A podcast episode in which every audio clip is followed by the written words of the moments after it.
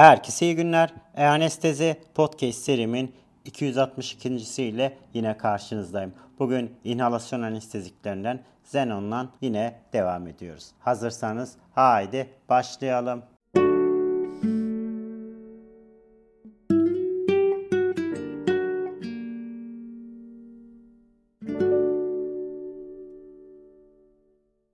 Herkese iyi günler.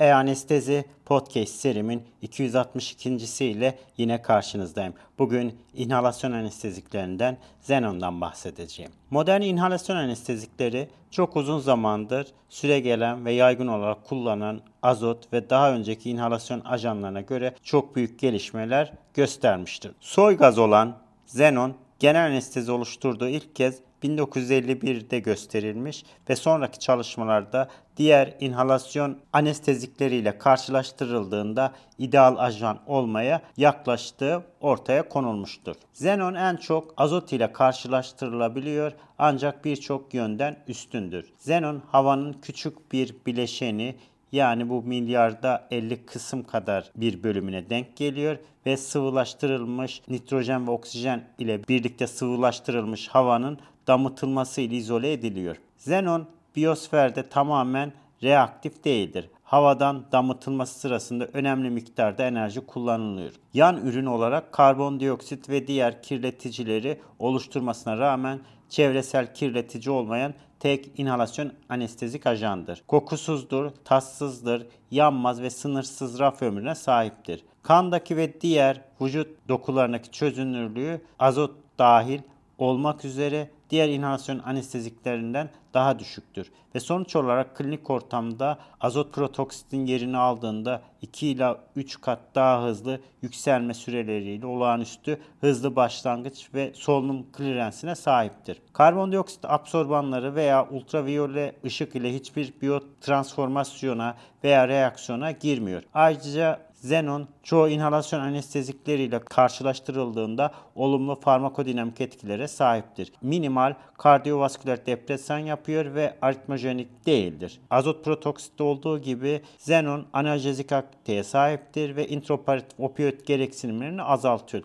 Man hipertermi tetiklemez veya bilinen herhangi bir toksite oluşturmuyor. Aslında xenon kardiyoprotektif ve nöroprotektif aktivitelere sahip olduğu preklinik modellerde gösterilmiştir. Yapılan klinik çalışmalar erişkin kalp cerrahisi hastalarında, parsiyel nefrektom hastalarında ve kardiyak arrestten sonra komada sağ kalanlarda diğer anesteziklere kıyasla vazopresör gereksinimleri ve organ hasarının boyutunu orta derecede azalttığı gösterilmiştir. Ancak xenon bu klinik durumlarda ve diğerlerinde nörobilişsel işlevi veya sağ kalımı düzeltmemekte. Tüm bu avantajlar göz önüne alındığında xenon neden yaygın olarak kullanılan bir inhalasyon anestezi değildir sorusu aklımıza geliyor. Bunun ana nedeni maliyettir. Gaz formunda litresi 15 dolardan fazla olan xenon azottan 100 kat daha pahalıdır ve şu anda en pahalı olan volatil anesteziktir. Şu anda en pahalı olan volatil anesteziklerden olan desfloran veya sevoflorandan hasta başına çok daha maliyetlidir. Xenon'un Mach immobilitesi 0.61 atmosferdir ve sıkı bir kapalı devre tekniği ile bile tipik bir hastaya anestezi etmek yapmak için 10 litreden fazlasına ihtiyaç bulunmaktadır. Xenon oksijen ile kapalı devre anestezisi uygulanmasında azotun yeniden soluma devresine birikmesini önlemek için uzun süreli anestezi öncesi denitrojenasyon gerekiyor. Denitrojenizasyon sırasında %100 oksijenden kapalı devre xenon oksijen anestezisine geçiş başka bir yavaş süreçtir. Çünkü oksijen hastada 200 ila 250 mililitre bölü dakikada metabolize olurken xenon devreye eklenebilir. Aksi takdirde bu geçişi kısaltmak için yüksek akımlı xenon gerekli olmakta. Xenon'un daha uygun fiyatlı bir anestezi yapmak ve verimli bir şekilde verilmesini sağlamak için özel anestezi makineleri tasarlanmış. Kriyojenik tuzaklarla xenonun atık gazlardan sıvı bir biçimde yoğunlaştırılabilen yeni atık toplama sistemleri sunulmuş. Bu işlem saf bir forma yeniden damıtıldıktan sonra xenonun nispeten ucuz bir şekilde geri döndürülmesi sağlanmıştır. Maliyete ek olarak xenonun birkaç dezavantajı daha vardır. Xenon gazı azot protoksit veya havadan çok daha yüksek bir yoğunluğa sahiptir.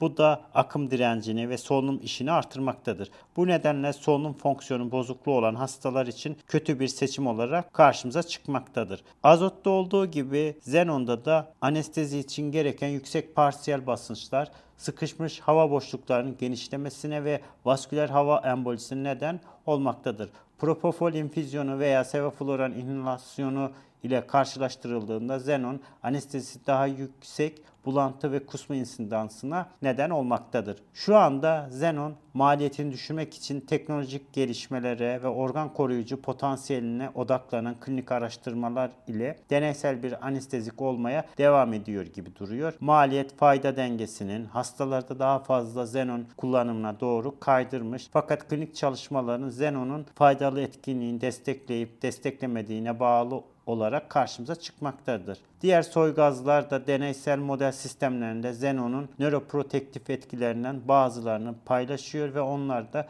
potansiyel klinik anestezik olarak araştırılma sürecinde devam etmektedir. Ne dedik? Xenon inert bir gazdır. Maliyetin yüksek olması nedeniyle klinik kullanımı yaygınlaşmamış, erirliği düşüktür, mak değeri yüksektir. Geri kazanımlı xenon özel sistemden geliştirilebilmesi ideal inhalasyon anestezi olabilir gibi duruyor. Analjik etkiye de sahiptir dedik. Evet, Xenon'u anlatırken şu soru karşımıza gelmekte. İdeal inhalasyon anesteziği nedir ve özellikleri nelerdir? İnhalasyon anesteziklerine baktığımız zaman bilinen ilk inhalasyon anestezi olan dietileter 1540'ta hazırlanmış. Daha sonra eter yağı adı verilmiş. Analjezik etkisi Faraday tarafından fark edilmiş ve 1772'de bu sentez edilmiş anestezi amacıyla kullanımı ancak 1840 yıllarında olmuştur. Azot protoksitin serüveni ve aynı tarih ve dönemlere denk gelmekte. Daha sonra tarihçe bölümünde bunu zaten işlemiştik.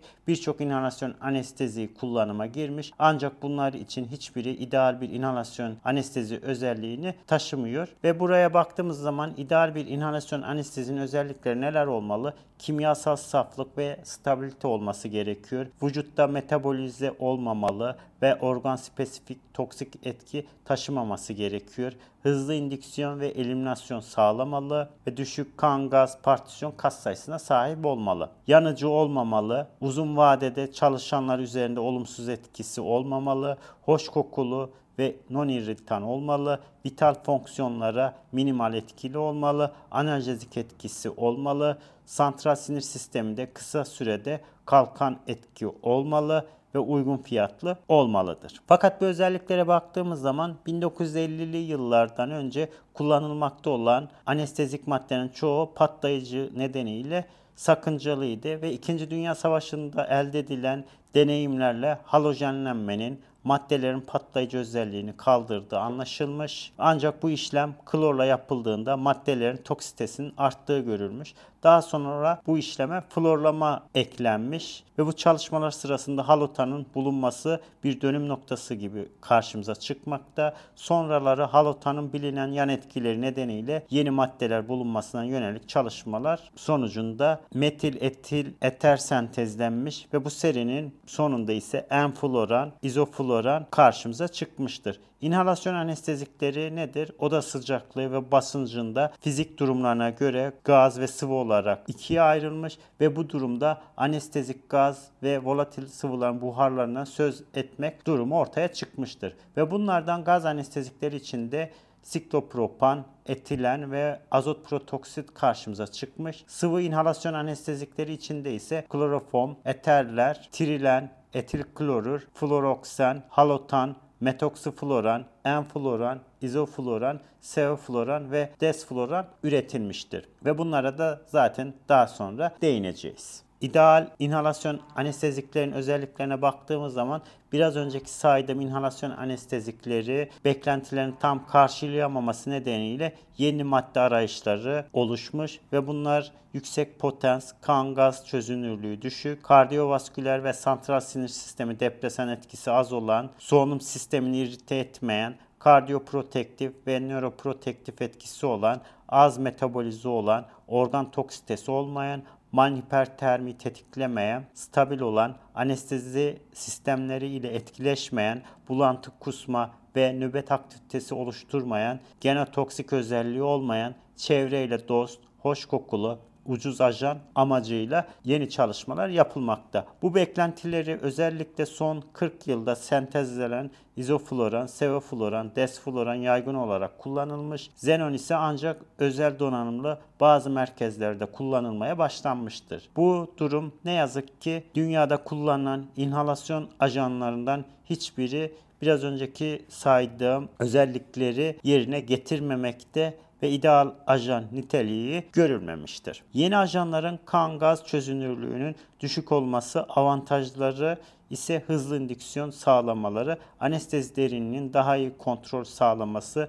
hızlı uyanma ve derlenme, hızlı derlenmeye bağlı ekonomik olarak kullanılması, kognitif fonksiyonları hızlı geri dönüşüm sağlaması ve erken nörolojik değerlendirmeye olanak sağlaması olarak karşımıza çıkmaktadır. Bu son 10 yılda özellikle günübirlik cerrahide artış nedeniyle minimal invazif cerrahi tekniklerin kullanıma girmesi nedeniyle daha sık gündeme gelmiştir. Bunun yanında kullanıma giren yeni ilaçların çabuk ve kısa etkili olması derlenmelerin hızlılığı taburcu olma süresinde kısaltmıştır.